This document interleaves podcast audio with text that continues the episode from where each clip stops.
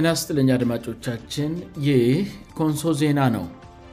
አሁን የዕለቱን አንኳር ዜና የምናቀርብበት ጊዜ ላይ ደርሰናል ዜናውንም ቀርብላችሁ የአቬሎናታይ ነኝ አብራችን ሁኑ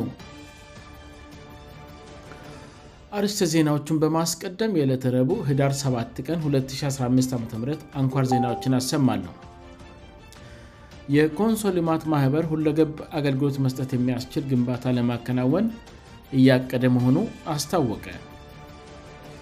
በኮንሶ ዞን በአፍ መፍቻ ቋንቋ ትምህርት ዙሪያ ሥልጠና እየተሰጠ ነው ሀገር መከላከያ በትግራይ ክልል የሚያካሄዳቸው ሥራዎች የዲፕሎማቲክ ማኅበረሰቡ ድጋፍ እንዲያደርግ ተጠየቀ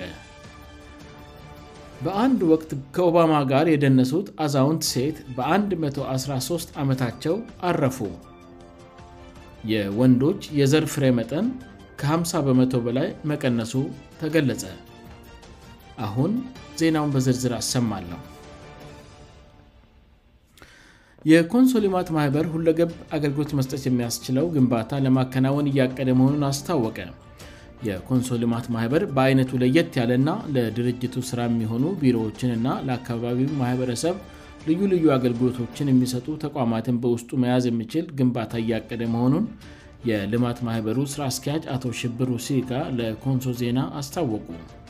የግንባታው ዲዛይን መጠናቀቁንና ጠቅላላ ወጪው በመጠናት ላይ መሆኑን የተናገሩት ስራ አስኪያጁ በታቀደው መሠረት ግንባታው ሲከናወን ከኮንሶልማት ማህበር ቢሮዎች በተጨማሪ የስብሰባ አዳራሾች የኢንተርኔት ተግባቦት ማእከል የንባብ ቦታዎች መናፈሻዎችና የመዋኛ ገንዳዎች የሰርግና ሌሎች መረሃግብሮች ማከናወኛ ና ካፍቴሪያዎችም ይኖሩታል ብለዋል የግንባታው አላማ የልማት ማህበሩን ስራ በተጨማሪ የውስጥ ገቢዎች ለመደገፍ ነው የተባለ ሲሆን የአካባቢ ህብረተሰብ አማራጭ የምናፈሻ አገልግሎቶችን ማቅረብም መሆኑ ተገልጿል ይህ ሁለገብ ግንባታ የታሰበው የኮንሶ ልማት ማህበር ጽፈት ቤት ያለበትን ቦታ ጨምሮ ልማት ማህበሩ የሚያስተዳድራቸው ሌሎች ተቋማት ያሉበት መረት የሚጨምር ሲሆን የተለያዩ ቅርጽና መጠን ያላቸው ብዙ ህንፃዎች ይኖሩታል አጠቃላይ ግንባታው ምን ያህል ወጪ እንደሚያወጣ በጥናት ከታወቀ በኋላ ልማት ማኅበሩ ይህን ይፋ እንደሚያደርግ የተገለጸ ሲሆን የግንባታውን ወጪ ለመሸፈን ከተለያዩ አካላት ገቢ እንደሚሰበሰብ ተገልጸዋል ከእነዚህም አካላት መካከል የተለያዩ የኮንሶ ማህበረሰብ አካላት መንግስት ባንኮች የተለያዩ ድርጅቶችና ልማት ወዳድ ዜጎች ይገኙበታል ይህ ኮንሶ ዜና ነው በኮንሶ ዞን በአፍ መፍቻ ቋንቋ ትምህርት ዙሪያ ስልጠና እየተሰጠ ነው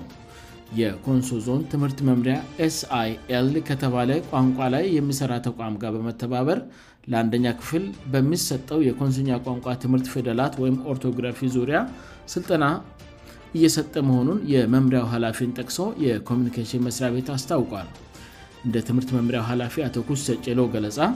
በአፍ መፍቻ ቋንቋ ትምህርት ዙሪያ ብዙ የተዛቡ አመለካከቶች ይስተዋላሉ ስልጠናውም ይህን የተዛባ ትርክት በተወሰነ መልኩም ይቀርፋል ብለዋል ኃላፊው በመክፈቻ ንግግራቸው የኮንሰኛ ቋንቋ መምህራን እጥረት መኖሩንም ተናግረዋል ሥልጠናው ለአራት ተከታታይ ቀናት የሚቀጥል መሆኑ የተገለጸ ሲሆን ሰልጣኞች ስልጠናውን ከወሰዱ በኋላ ስለ ቋንቋው ትምህርት በማኅበረሰቡ መካከል የሚስተዋለውን የተዛባትርክት በማስተካከል በኩል የራሳቸውን ሚኒያ ይጫወታሉ ተብሎ ይጠበቃል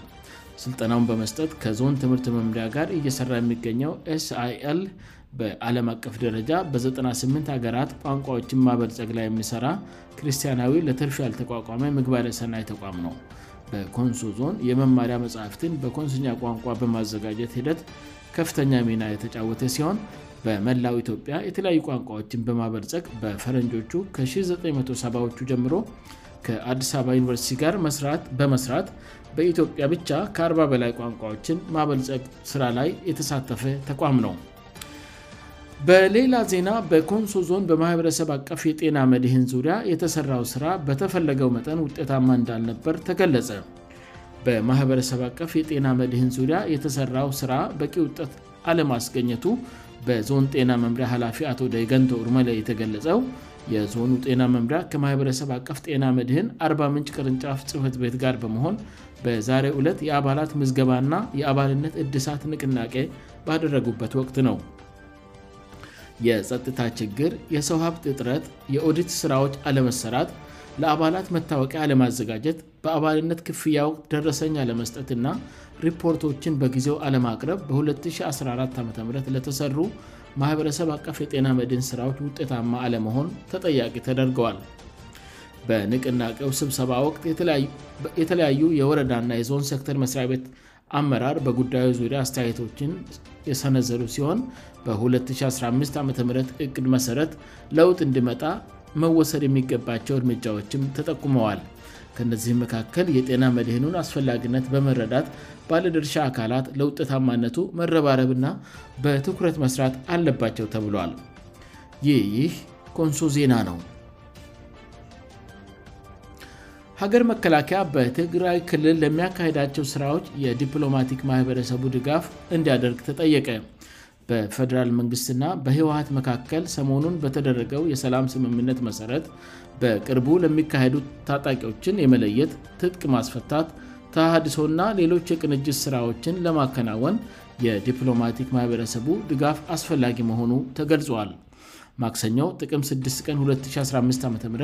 የአገር መከላከያ ሠራዊት ኃላፊዎች በአዲስ አበባ መቀመጫቸውን ላደረጉ የተለያዩ ሀገሮች ኤምባሲዎች የመከላከያ አታሺዎች ገለጻ አድርገዋል አታሺዎቹና ሌሎች የዲፕሎማቲክ ማኅበረሰቡ አባላት የሥልጠና የቴክኒክና አቅም ግንባታ ድጋፎች በጣም አስፈላጊ እንደሆነ ለዲፕሎማቶች ገለፃ ተደርገዋል በገለፃው የመከላከያ ሠራዊት የውጭ ግንኙነትና ወታደራዊ ትብብር ዳይሬክተር መጀር ጀነራል ተሾመገመቹ አታሺዎቹ የሀገራቸውን የመከላከያ ሠራዊት ከኢትዮጵያ መከላከያ ሠራዊት ጋር የግንኙነት ድልድይ እንዲኖራቸው ጥያቄ አቅርበዋል የመከላከያ ስራዊትን በመወከል ለአታሸው ማህበረሰብ የማስተላልፈው ጥሪ ብኖር ቀጣይነት ያለው ምክርና ድጋፍ የመስጠት ጥረት እንዲቀጥል ነው ስሉ መጀር ጀነራል ተሾሜ ተናግረዋል በተያያዘ መከላከያ ስራዊት በትግራይ ክልል በቅርቡ ሲያደርገው የነበረውን ክንውን ለአታሽዎቹ ገለፃ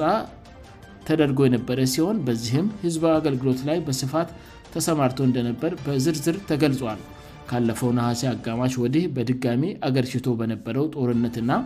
የመከላከያ ሰራዊት ባደረገው የመከላከል ሥራ ወደ ትግራይ ክልል ከዘለቀበት ጊዜ ወዲህ 42 ሄክታር መረት ላይ የደረሰ ሰብል 3211 ለሚሆኑ አርሶ አደሮች እንዳጨደ ተነግሯል እነዚህ ማኅበራዊ አገልግሎቶች በዝርዝር ያስረዱት የመከላከያ ሠራዊት የውጭ ግንኙነት ክፍል ከፍተኛ አማካሪ ዶክተር መኮንን አበበ ለሪፖርተር ጋዜጣ እንደገለጹት የመከላከያ ሰራዊት ለማኅበረሰቡ ድጋፍ ለማድረግ የሰላም ስምምነቱን እንዳልጠበቀ ቀድሞውኑ ወደ ትግራይ ክልል መግባት ሲጀምር እነዚህን ስራዎች ሲያከናውን እንደነበር ተናግረዋል 11136 የሀገር ውስጥ ተፈናቃዮችን ወደ ቀያቸው ለመመለስ ማጓጓዝም እንዲሁም 14 ርጉዝ ሴቶችን ጨምሮ ለ3833 ሄሙማን በትግራይ ክልል በራሱ ወጪ እንዳሳከመ ገልጸዋል በትግራይ ክልል የሚገኙ የሰራዊቱ አባላት ከደሞዛቸው በማዋጣት ከግማሽ ሚሊየን ብር በላይ እንደለገሱም ዶተር ጠቁመዋል አታሺዎቹና የመከላከያ ሰራዊት ኃላፊዎች ባለፉት ሁለት ዓመታት የጦርነት ጊዜያት በወቅታዊ ጉዳዮች ላይ ለመነጋገር ተገናኝተው እንደነበር የገለጹት መጀር ጀነራል ተሾሜ የአሁኑ ግንኙነት በተለየ ምዕራፍ እንደሆነና ይህም በአዲስ የልማትና የሰላም ተስፋ ነው ስሉ ተናግረዋል በፕሪቶሪያ መጀመሪያ የተደረገው ና በናይሮቢ የቀጠለው የሰላም ስምምነት ተግባራውነት ላይ የተወሰኑ አገሮች አታሺዎች ጥያቄ በማንሳት ስጋትም እንዳለባቸው ገልጸው የነበረ ሲሆን በርካታ ታሺዎች በስምምነቱ የተሰማቸውን ደስታ ገልጸው ነበር ለዚህም ለጋዜጠኞች ማብራሪያ መጀር ጀነራሉ ሲሰጡ ስጋት ያለባቸው ሀገሮች እንዲህ አይነት ችግሮች ገጥሟቸው የነበሩ የአፍሪካ ሀገሮች እንደ ምሳሌ ከመውሰድ የመነጭ እንደሆነ አብዛኞቹ ሀገሮች ተወካዮች ግን በአድናቆት የመንግስትን እርምጃ እንዳዩት ነው የገለጹት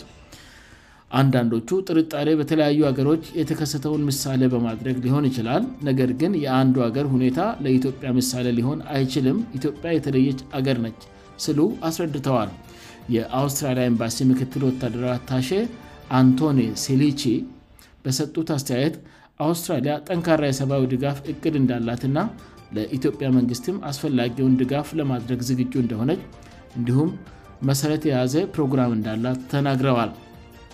በተለይም በምግብ ደህንነት ለኢትዮጵያና በአጠቃላይ ለምስራቅ አፍሪካ የድጋፍ ፕሮግራም እንዳላት አክለዋል በአፍሪካ ህብረት ጥራስር የተደረገውም ስምምነት ለአፍሪካ ችግር አፍሪካዊ መፍትሔ ትልቅ ምሳሌ እንደሆነም ጨምረው ተናግረዋል ዘገባው የሪፖርተር ሲሆን ይህ ኮንሶ ዜና ነው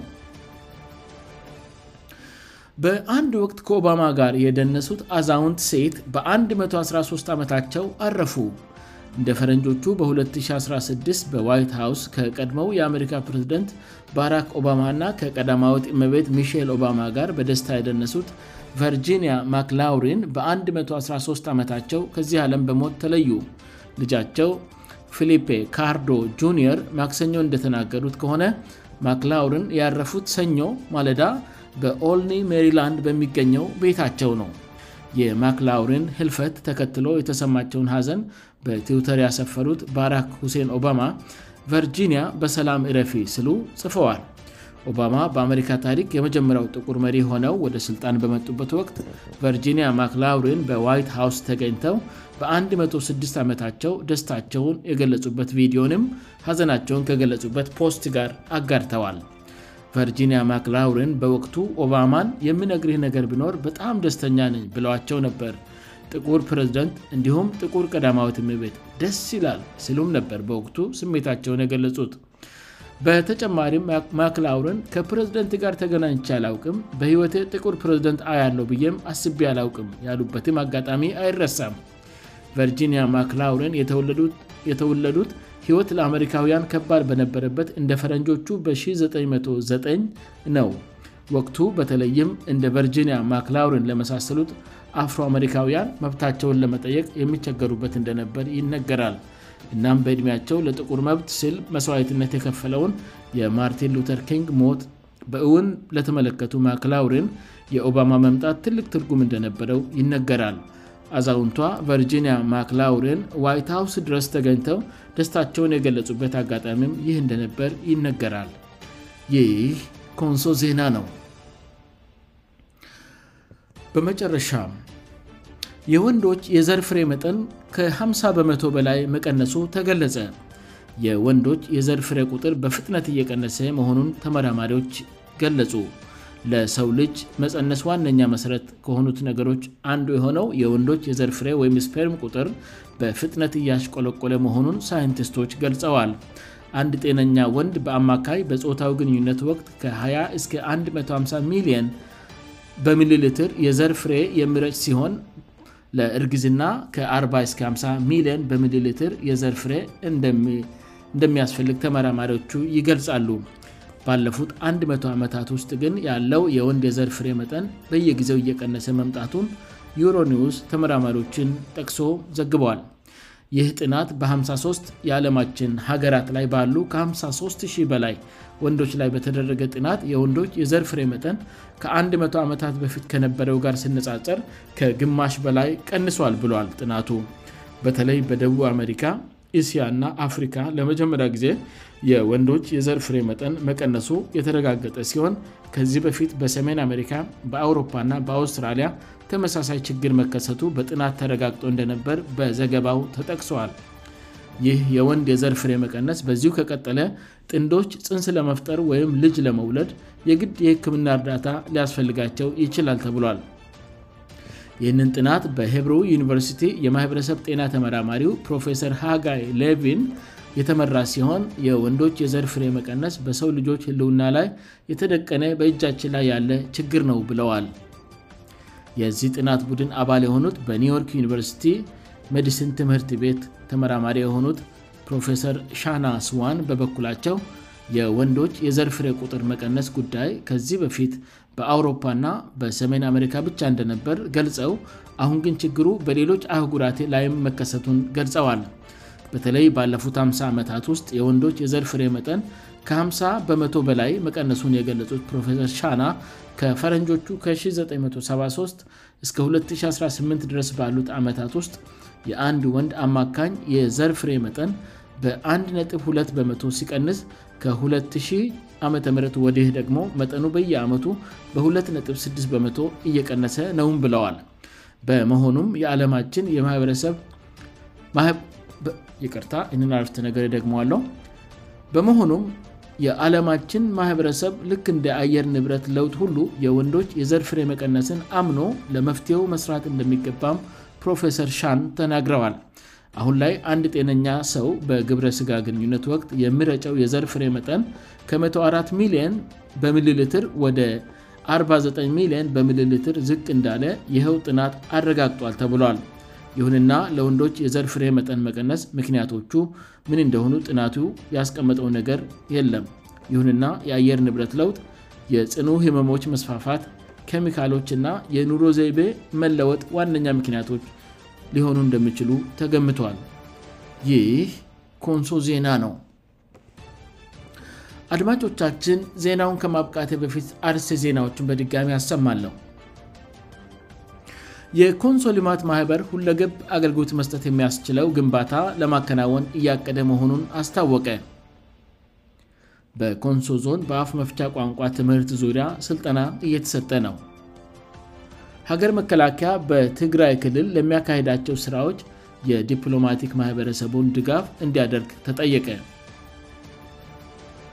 በአንድ ወቅት ከኦባማ ጋር የደነሱት አዛውንት ሴት በ113 ዓመታቸው አረፉ የወንዶች የዘርፍሬ መጠን ከ50 ከመ0 በላይ መቀነሱ ተገለጸ ዜናው በዚያ በቃ አድማጮቻችን የዕለቱ አንኳር ዜናዎቻችን ይህን ይመስሉ ነበር ስላዳመጣቸውን እናመሰግናለን ኮንሶ ዜና በቀጣይም በተመሳሳይ ዝግጅት እንደሚጠብቁት ተስፋ ያደርጋል እስከዚያው በደና ቆየኑ